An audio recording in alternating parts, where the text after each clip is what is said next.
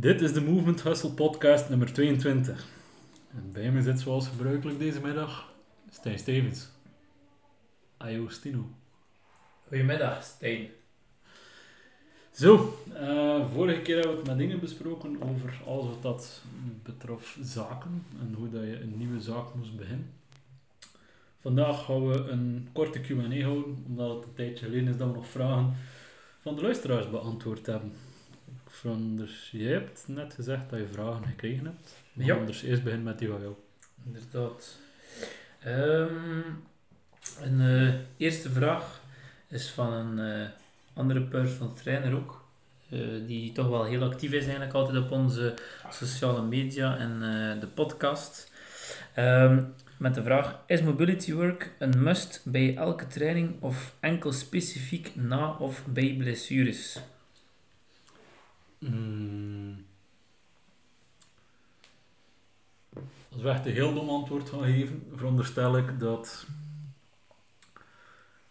je kan niet trainen waar je niet kan bewegen. Nu, los van het feit dat beweging door meerdere factoren dan enkel mobiliteit beperkt wordt, eh, denk ik dat een van de voornaamste zaken is dat mobiliteit een maatstaf is om te controleren in welke mate je speelruimte hebt met je klant in de ene richting en zelf speelruimte hebt in je eigen lichaam. Nu, wat natuurlijk het grote verschil is, is dat mobility in een zaalsetting, of een kine-setting, of een personal training setting, reusachtig veel kan verschillen ten opzichte van mobility die moet getoond worden onder belasting.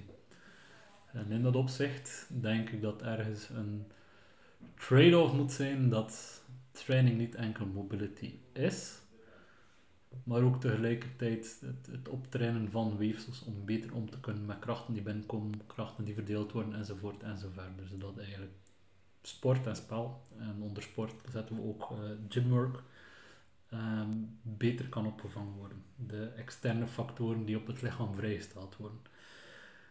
Je kan, en ik denk dat dat iets is dat we in de toekomst gaan uitbreiden, eh, zowel hier als met eh, Jonas de Grande, is hoe kunnen we nu de perfecte integratie doen van mobiliteit en kracht slash hypertrofie slash eh, functional training.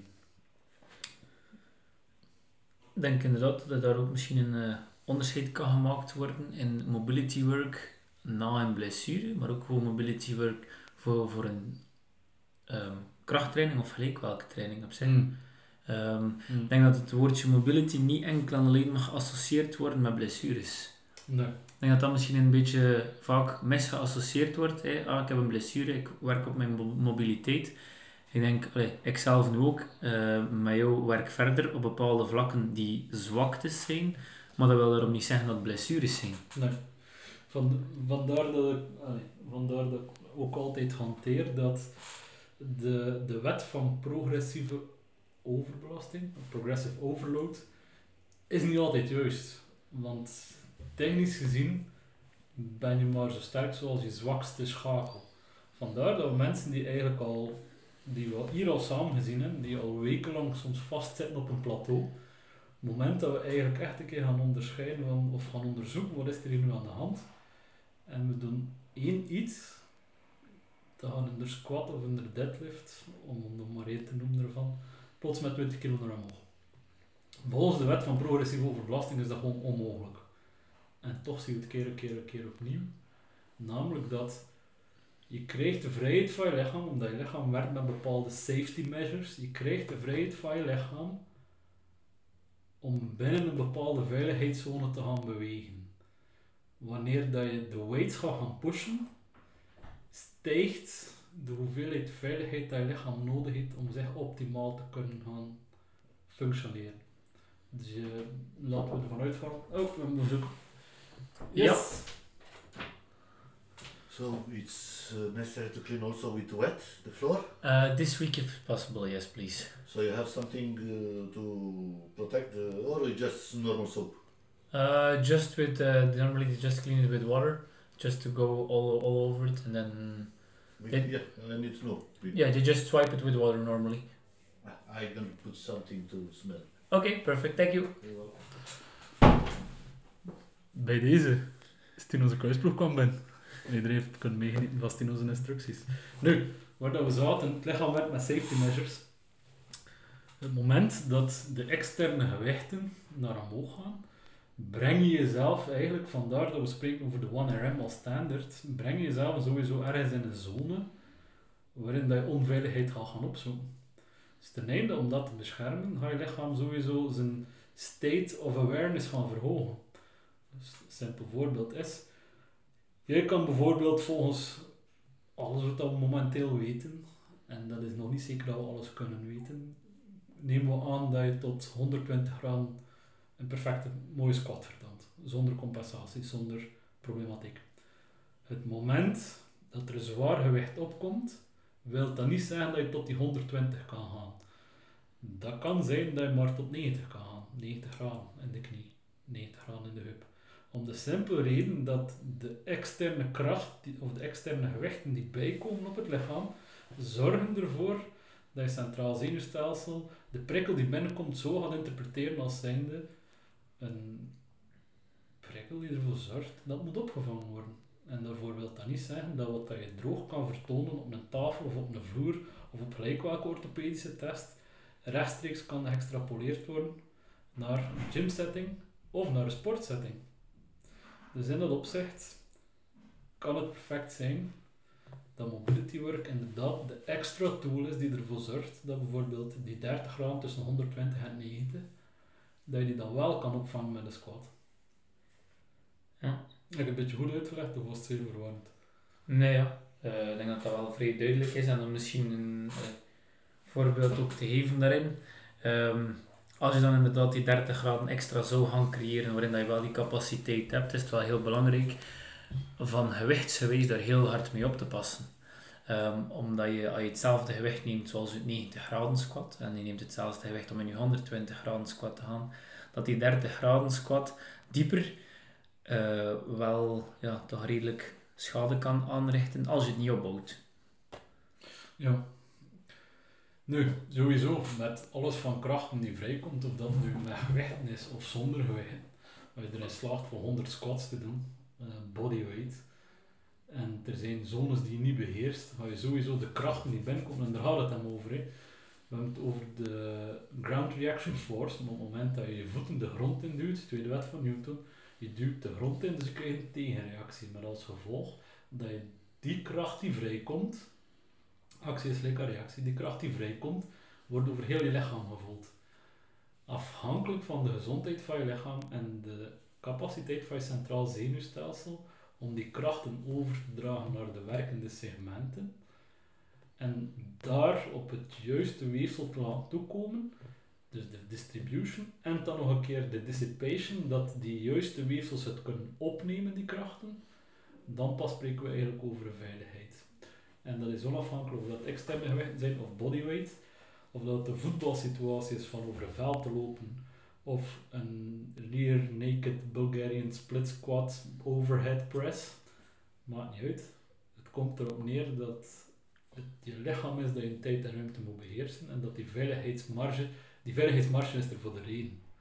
En dat is omdat je lichaam onbewust veel beter met beweging om kan dan wij bewust kunnen nadenken over nu gaan we die beweging gaan doen. Een van de grootste voorbeelden dat we zien is bij mensen die een renkel omslaan hebben, dat ze proberen visueel te controleren tijdens een oefening. Op het moment dat je de ogen wegneemt, merken we heel vaak dat één de mobiliteit toeneemt en twee dat de oefening veel beter lukt. Dat als ze proberen van een visuele controle in te stellen en echt op basis van eigen beslissing die je neemt in je prefrontale cortex te bypassen wat er eigenlijk in motorische cortex verwerkt, uh, verwerkt wordt. Interessant. we zijn hele slechte beslissers om visueel iets te doen waarvoor dat we eigenlijk geprogrammeerd zijn om het automatisch te doen. Ja. Vandaar dat ook de regel opgaat dat je niet op basis van je ogen kan zeggen of dat iemand zijn squat goed of fout is. Sowieso met Dynamic Systems theorie zegt al dat geen enkele squat dat je ooit in je leven gaat doen hetzelfde gaat zijn. Laat staan dat er nog een keer is. Omdat de variabiliteit zodanig groot is. Dus wat zou je dan met je ogen visueel kunnen controleren bij iemand anders en dan nog een keer zijn lichaam aansturen naar een, wat dat we over het algemeen aannemen de perfecte squathouding is. Er mogen dat foutjes op zijn. Als het niet over, eh, ik denk dat de manier waarop dat je met je klanten omgaat veel belangrijker is. In de zin van, iemand die net nieuw is, ga je geen 120 kilo squatten. Nee, inderdaad. En als je merkt dat het echt op niks trekt, misschien moet ik het load wat verminderen en zien wat dat daar heeft. Of wat mobility worden. Ja. Of niks.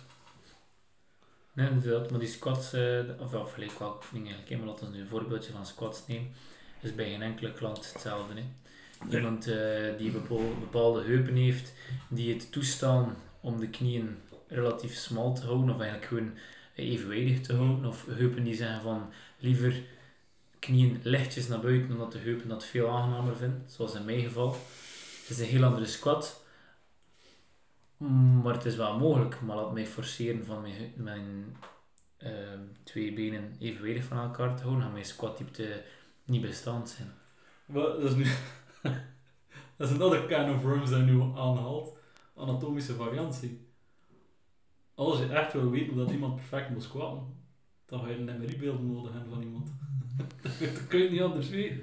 Je kan de heupdiepte niet bekijken. Je kan niet gaan weten hoe dat die kop ten opzichte van de femurhals staat. Laat staan dat je weet wat dat er eventueel van actuele schade aan de hand is. Of helemaal geen, of helemaal wel. Je weet niet of dat een cam of een pincer of gelijk wat aan de, aan de hand is. Je weet niet of dat er een retrograde of een antiversie is van de heup en de femurhals. Dus dit is gewoon waanzin. Ah. Ja, nee, shit. Anatomische variantie. Nu ja, bon. Er zijn bepaalde richtlijnen en bepaalde manieren waarop dat we weten waarop dat we wat moeten doen. En die zijn ook vrij duidelijk. Maar het merendeel van de tijd, denk ik, om op de originele vraag terug te komen, heeft mobility wel zijn plaats als je weet hoe je het kan inprogrammeren. Ja. Ik denk dat het vooral dat is. Het is geen of-verhaal. Ik denk dat het een en-en verhaal is. En dat het een sowieso terugvalt op het ander, terwijl dat het ander sowieso terugvalt op het een. Je moet weten waar dat je beweegt, maar als je sterker wil worden, moet je trainen om in die beweging waar dat je weet waar dat je het beweegt, sterker te worden. Het een kan niet zonder het ander. En trainen met een barbell kan ook perfect mobiliteitswerk zijn. Iedereen denkt dat er altijd, eh, omdat dat nu eenmaal een beetje het idee is dat leeft door eh, ja, de online wereld, dat je voor een yogamat nodig hebt. En dat je holds van 10 seconden eh 100.000 cars moet doen om mobiliteit te winnen. Het kan ook op een andere manier. Maar je moet ergens een basispunt hebben waarin je. En daarin is functional conditioning zeer goed. Maar er zijn layers to it. En die layers, functional conditioning is maar op één punt dat het zich situeert. Er zijn andere zaken die er nog veel verder in gaan. Dat is ook eh, de reden waarom dat we ons niet dogmatig met iets bezighouden. Right. Ik denk dat dat een, eh, misschien een korte samenvatting voor de vraag gewoon op zich. Is het enkel in bij blessures of voor of na? Ik denk dat daar een, allee, misschien een antwoord op vanuit mijn standpunt denk ik nee. Mhm. Het, is, het, komt, het kan altijd voorkomen, mobiliteitswerk, of je nu een blessure hebt, Mhm. ja of niet. Ja. Ehm, Ja. Ik denk Ja. dat een goede conclusie kan zijn. Ik sluit me daar 100% mee aan. Dan een vraag van jou. Is goed. Ehm we er een lichter tussen steken. Eh, eh, eh. Zijn er nog truien over? Mijn vent steelt constant de mijne. Het over de wine mind truien. Ja, ja, ja. Tuurlijk zijn die er nog. Lol. Kus cadeau maar kasta. Alright, back to you. Oké. Ehm, hoe programmeer je best een sportspecifieke training rond je krachttraining?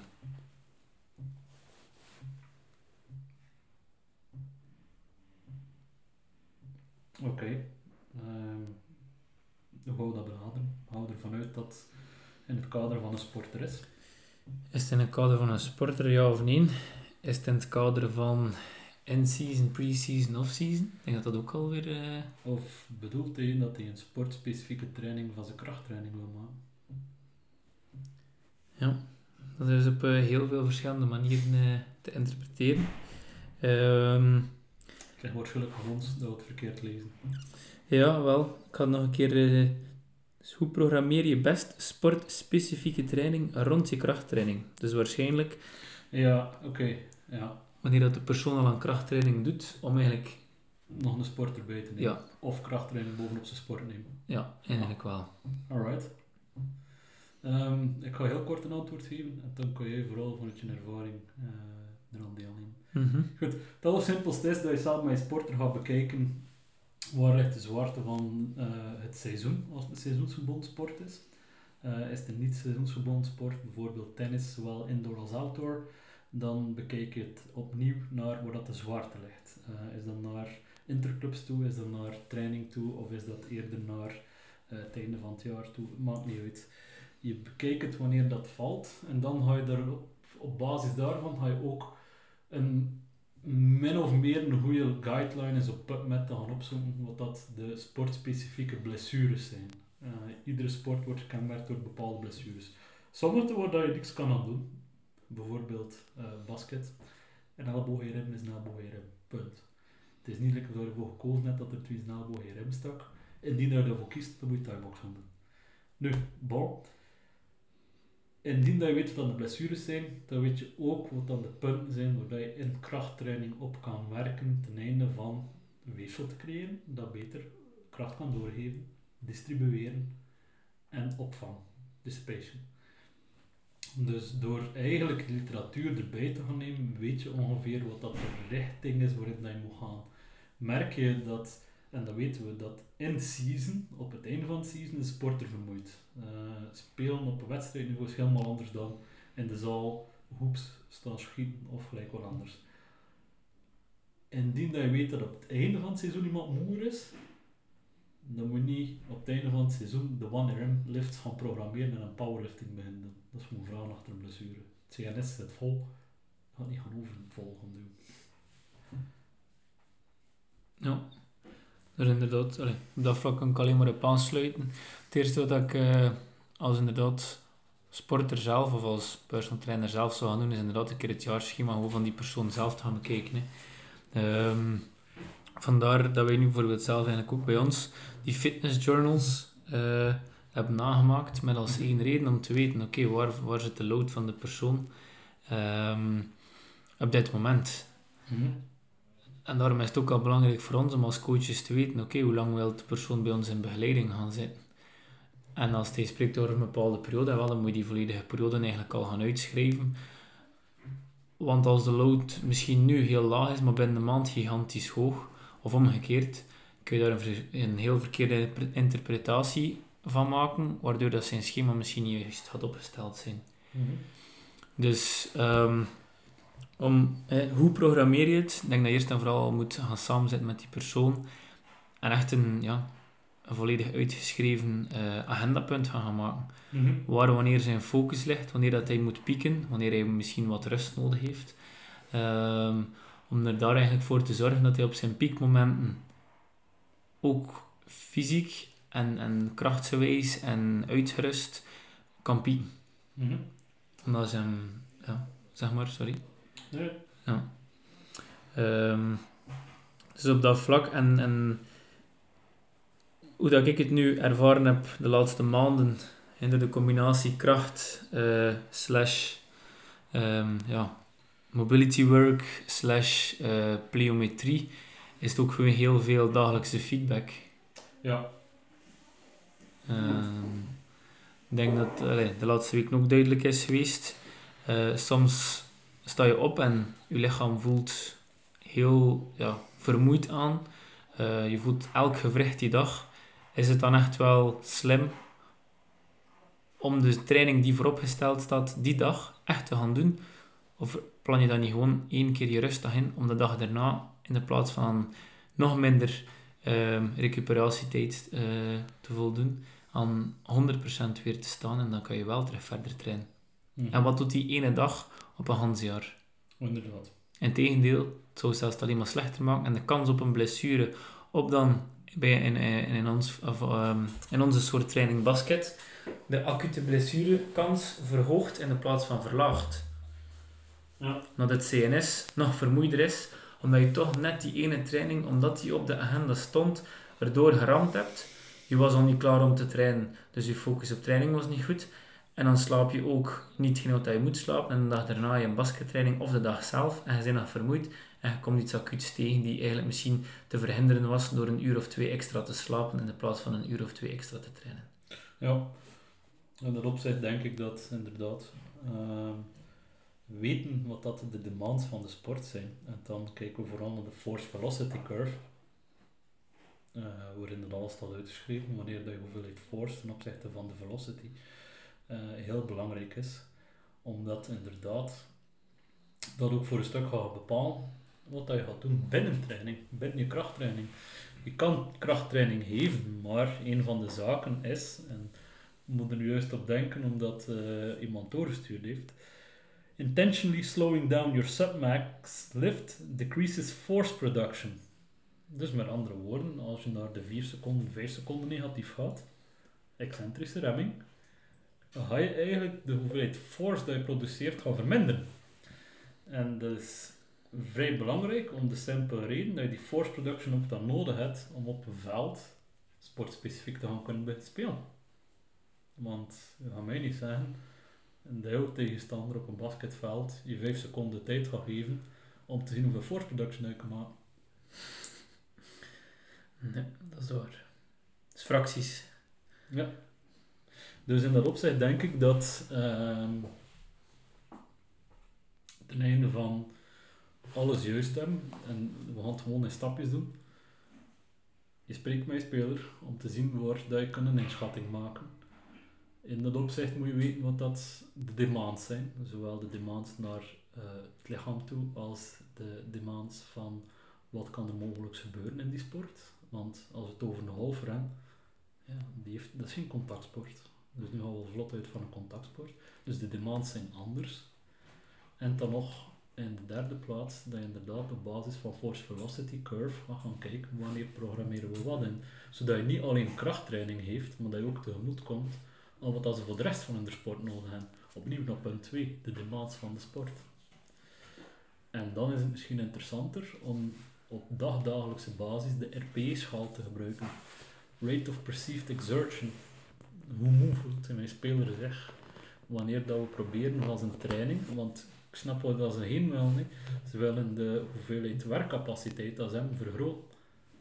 Maar daarom moet je natuurlijk wel constant feedback krijgen. En feedback, ja, ik voel me goed. Nee, hoe voelde de laatste training dat je deed? Als je dan een rate of perceived exertion, een RPE van 9 op 10 krijgt, ja, hoe maar. Dan moet er wel leeway ontstaan in de rest van de training, want anders ram je maar op één stuk af. En dat is uh, overtraining. En ondertussen hebben we er een paar zo in de praktijk gehad, die klinisch, en dan kun je dat zien op basis van de creatine kinase waren, eigenlijk letterlijk in overtraining zaten. En had dat maar gaan zeggen tussen de half twee maanden. Ja, inderdaad. Not bueno. Nee. Bij ons, uh, toen ik nog in Leuven speelde in eerste klas, hadden wij niet alleen onze eigen feedback dat we moesten geven, maar we trainen constant uh, met belts rond ons. Eigenlijk uh, niet alleen heartbeat sensor, maar die ook nog een keer de volledige load van de training ging meten. En om dan zo te gaan vergelijken, elke dag met de training, om zo te kunnen pieken, of net niet te gaan pieken op een vrijdag als je zaterdag match hebt, maar op een dinsdag of woensdag je training load het grootste te maken, want dan mm -hmm. heb je geen wedstrijd binnen de eerste twee dagen. En dat wekelijks met elkaar gaan vergelijken om te zien of dat een speler in overdrive gaat. Als ze zien dat de RPE dan eigenlijk cijfermatig omhoog gaat, dan weet je van, oh, misschien moet die trainer wel een keer een, een, dag rust geven. En daar maakten ze ook wel echt gebruik van. Van de, de, de speler zelf zei van, ja, het lukt wel, maar zijn resultaten nog cijfermatig zeiden, hij, was, hij liep veel minder kilometers dan dat hij normaal gezien doet mm -hmm. op, een, uh, op een veld. Mm -hmm. Hij springt minder uh, dan zijn gemiddelde. Um, zijn zijn gemiddelde heart rate ging de lucht in. Oké, ja, ik denk dat dat al genoeg uh, voortekenen zijn dat er iemand aan het verbranden is. Inderdaad, dus een RPE-scale en tegelijkertijd een, een afleiding, een objectieve afleiding. Nu, Eh, liefst met een borstband, want die polsbeters zijn nog niet zo heel accuraat. Lekker ze zo voorstellen dat ze zijn. Eh, een van de grootste voorbeelden is dat iedereen zijn slaap erop bekijkt op basis van een polsding. En dat die slaap voor een centimeter klopt. Ehm, in dat opzicht, ja, afmeten en eh, op basis van die borstmeter in combinatie met uh, RPE-schalen. Ja. ja, bij ons waren dat dus zo van die bras dat we moesten nadoen. Ik ken, ken de naam er niet meer van. Ja, ik weet het, ik bedoel. Ja. Voetballers zagen dat tegenwoordig ook. Ja, inderdaad. En dat werd toen bij ons voor het eerst ingevoerd. Het was heel veel eh, natuurlijk tegenspraak tegen omdat je in een BH moest staan en op Mhm. training en dat dat was spannend. Maar eh, ik zelf, ik, vond dat, eh, ik deed dat met veel plezier aan omdat ik de cijfers op dat vlak echt wel super vond. En ook gewoon, eh, ja, you couldn't cheat on practice. Mhm. Alright. Eh, en indien er nog meer vragen over zijn, dan zou ik voorstellen dat die persoon gewoon ons een berichtje stuurt. Oké. Eén nog een vraag, Palet? Mhm. Ik heb er nog twee. Eén vraag was van, heb je nog e-mail-tips?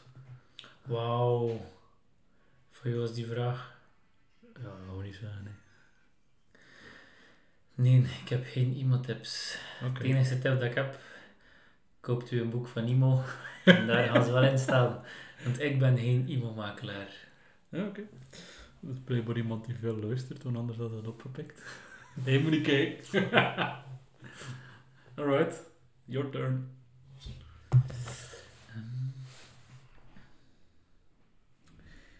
Eh, nog een derde vraag die ik had gekregen was: Hoe ver kan je een bulk pushen?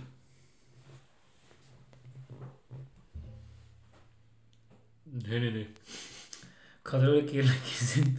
Eh, ik denk dat dit eigenlijk een, een vraag is naar Martijn toe. Zou Martijn het antwoord weten daarop? De, ja, hoe ver, dat weet ik niet. Misschien op vlak van, ja, hoe ver, op vlak van had de trainingsload, eh, calorie load, eh, Hm? duration, eh, Volume? volume. Ik zal daar wel geen antwoord op geven, want ik ben er niet gespecialiseerd in. Letterlijke load? Ja. Mentaal. Huh? Ja, want je moet kunnen aanvaarden dat je... Ja, behoorlijk. From, from lean to bulky, hè. Ik weet niet, doe Martijn veel bulks? Eh, ga, lean bulks, hoe dat ik Ja. ze wel een beetje ken. Ja, Eh, echt zo traditionele dieet van McDo. eh, Niet veel, nee. omdat puur een beetje, het, allee, dat ik toen ervaren had, een beetje het gevaar van eh, not controllable anymore. Ehm, en dan, ja, pees ook gewoon aan. Als je dan denkt aan gut health. Ja. We gaan, Ja. we gaan daar niet over beginnen vandaag. Nee, inderdaad. En nog genoeg cans of worms opgetrokken. inderdaad. Dat zal niet voor mij zijn. En ook niet voor Palet. Eh, Nope. dus, eh, sorry. Daarin kunnen we jou niet verder helpen met die vraag. Palet, jij nog een vraag? Yes. De vraag was, hoe moet ik ademen? Want dan heb ik geantwoord door je neus, 95% van de tijd. En de vraag die erop volgde, en dat was misschien de interessantste vraag, want dat hebben we in de tijd met de eh, podcast rond ademhaling niet aangehaald. Of dat het ook iets kan doen aan mentale gezondheid. Eh sedert de vorige podcast over ademhaling, ik denk dat die zelfs nog was in de coronatijd, ten opzichte van nu. We hebben natuurlijk niet stilstaan en zijn blijven lezen. Ehm 100% dat ademhaling een invloed heeft op mentale gezondheid.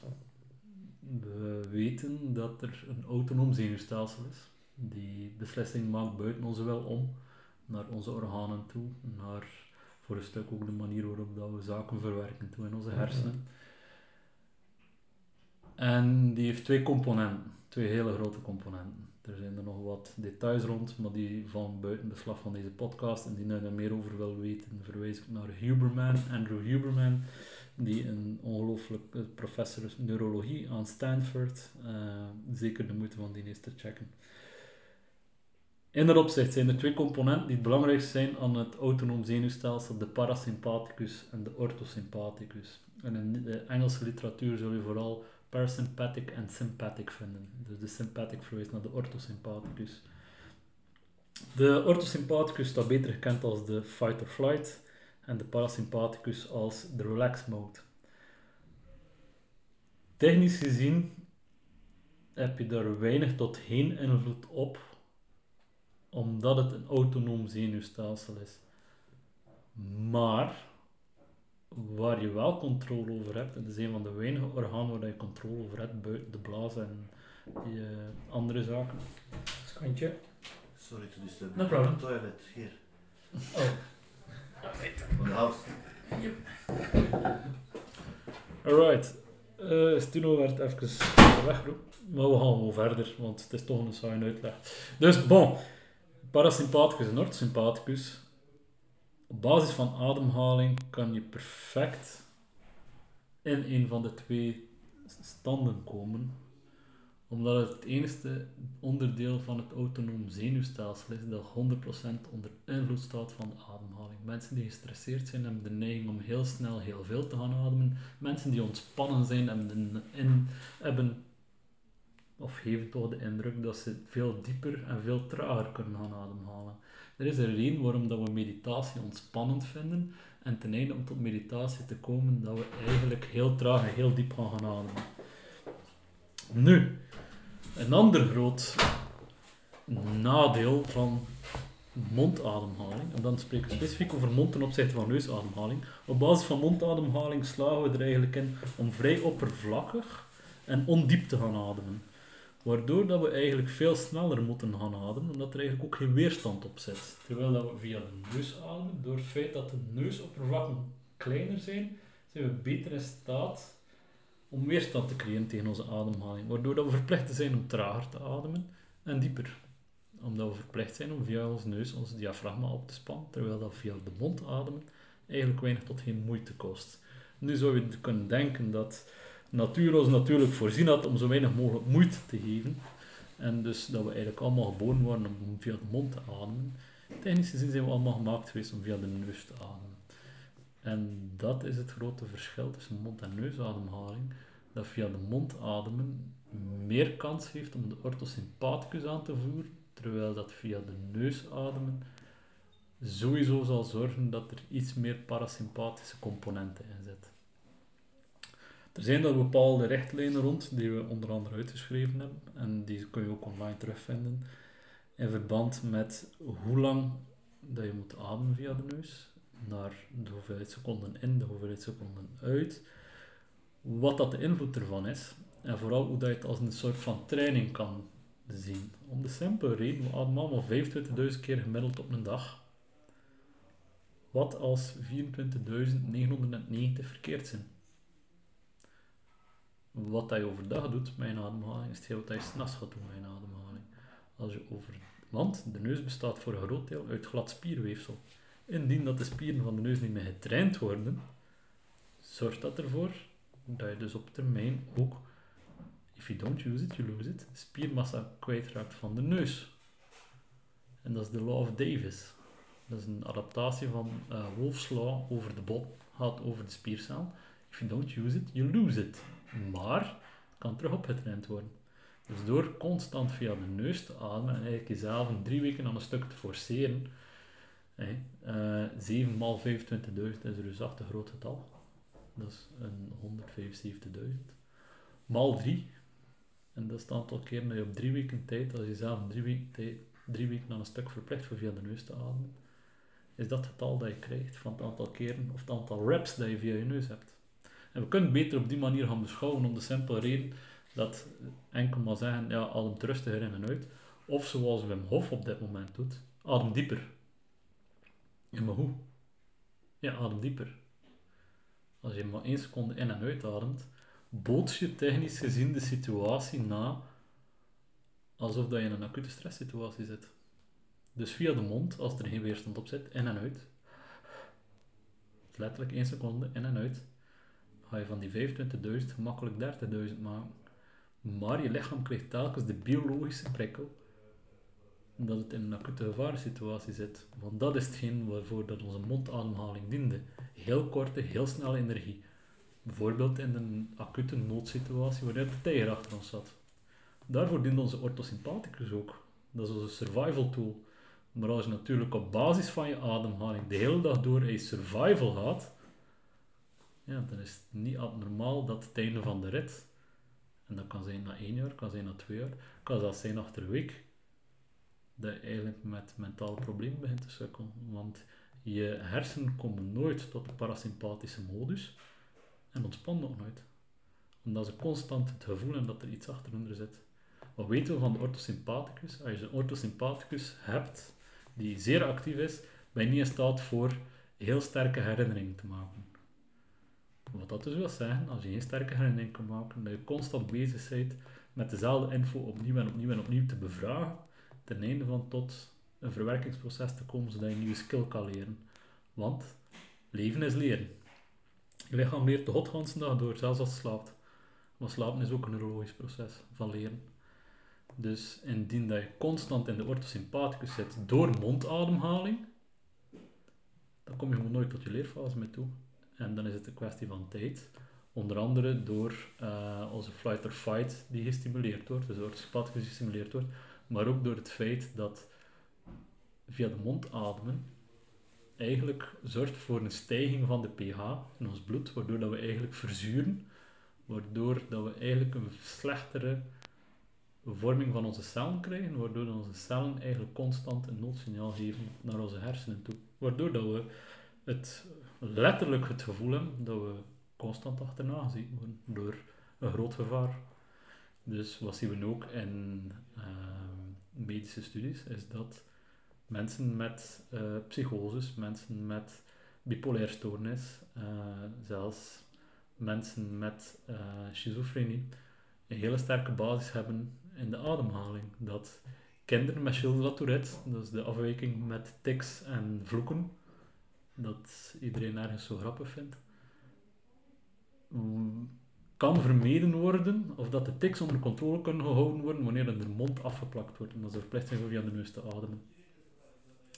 Andere zaken dat we zien is dat mensen die angststoornissen hebben, en dat is momenteel het meest onderzochte, dat anxiety disorder voor een groot stuk eigenlijk een problematiek van de ademhaling is. Hier hebben we letterlijk in uh, praktijk gezien hoe dat mensen met een burn-out na twee weken voor 70% hersteld worden. Zowel fysiek als mentaal. Dat het laatste stukje was het feit dat ze nog altijd geen plaats in kunnen geven aan het feit dat ze tegengekomen waren. Dus inderdaad, korte samenvatting, want het is een vrij moeilijk onderwerp. Ademhaling heeft een zachte invloed op onze mentale state of mind. Letterlijk, omdat oppervlakkige mondademhaling onze orthosympathicus aanwakkert, die ons lichaam biologisch doet denken dat er op ieder moment van de dag een reusachtig gevaar op ons afkomt. Terwijl de parasympathicus, die sowieso gestimuleerd wordt door trager en dieper te gaan ademen, wat ergo via de neus ervoor zorgt dat we veel meer ontspannen te werk kunnen gaan. En dat onze hersenen dus ook kunnen ontspannen. We hebben het dan nog niet over heel de hormonencyclussen die ontstaan op basis van versnelde ademhaling met een reusachtige stijging van cortisol en met het constante vrijgeven van adrenaline en noradrenaline, dus de catecholamines. Maar dat is buiten beschouwing gelaten.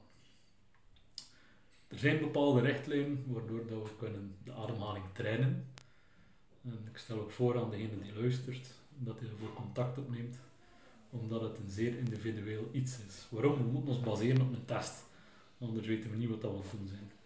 En die test in het algemeen afnemen, dat, dat we nu de test zeggen, dat iedereen hem thuis uitvoert. Eén, de zal hem verkeerd interpreteren, like of dat wij momenteel de vragen verkeerd interpreteren. En twee, je weet niks met die testwoorden als je niet weet wat je ermee moet doen. Dus in dat opzicht, de persoon die de vraag doorgesteld heeft, get out of your shame hole en stuur ons gewoon een berichtje. De rest komt wel in. Was het duidelijk of was het a whole lot of rambling? Nee. het is begonnen met een beetje rambling. en dan is het verduidelijkt geweest. Hmm. Het is een heel gemakkelijk onderwerp, ademhaling. Waarom niet? Omdat er eigenlijk ook geen standaard tekst is. Het is geen standaard kennis. Um, ik zie het met mijn collega in de praktijk, zien we het constant mensen die ademhalingsproblemen hebben. Ze worden behandeld. En allemaal geven ze bepaalde zaken of bepaalde reacties die eigenlijk echt ja, die bemoedigend zijn. Ik heb vanochtend nog van een patiënt de, de reactie gehad eh, over ademhaling. Sinds dat ze alle dagen een oefening doet, kan ze s'nachts terugslapen. En het was iemand die echt extreem veel pijn had. Alle dagen 30 minuten oefenen. En ze zegt letterlijk, ik kan dat niet aan mensen uitleggen die dat zelf niet meemaken. Want iedereen denkt dat je een aansteller bent. Dus, ze doen nu verschillende keren per dag een ademhalingsoefening. En het gevolg is dat het weer een stuk beter gaat. Zij verplicht om te ademen. Kun je geen drie minuten zonder lucht. Maar de manier waarop je ademt heeft de reusachtige invloed op zwaar lichaam als de rest van je. Zowel fysiologisch als psychologisch. Want biology creates neurology.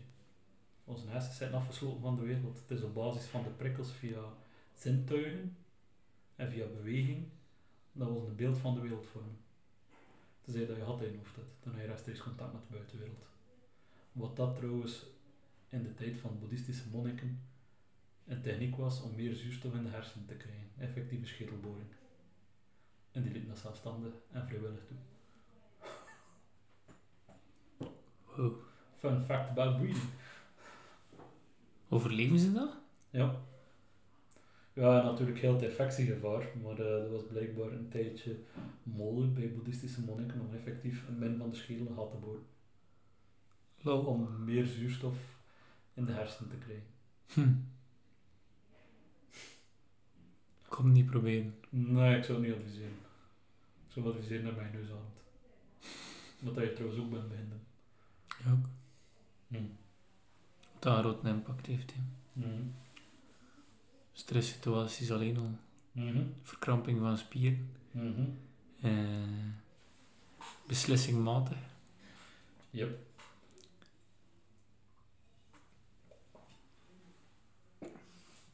Alright. En dat was alles wat ik had voor vandaag. Ja. Heb jij nog vragen? Of uitleg? Of... Nee, niet echt eigenlijk. eh. Alright. Volgende week gaan we kijken of dat we terug een gast ter beschikking hebben. Ja. En die niet, dan doen we Q&A. Mensen die vragen hebben, stuur ze gerust door. Bedankt Stino. Het was zeer aangenaam. Graag gedaan, Plet. Bedankt ook voor jouw eh, tips en informatie. Waar kunnen de mensen je vinden? Indien dat ze het nog niet weten. Eh, online het gemakkelijkste via mijn website en daar op de contactpagina. Ik denk dat het nog altijd het makkelijkste is www.ymind.be oftewel via mijn Instagram profiel Stino Ymind. Hey, Palet. SRC Polet op Instagram en Steen Polet op Facebook. De website komt er binnenkort aan. Ehm, en voor de rest, dit was een live opname, dus je hebt de keusploeg twee keer horen binnenkomen. Waarom zou het wegsteken dat het een live opname is? De wereld is al fake genoeg. Bij deze, keep reading. Bedankt. Out.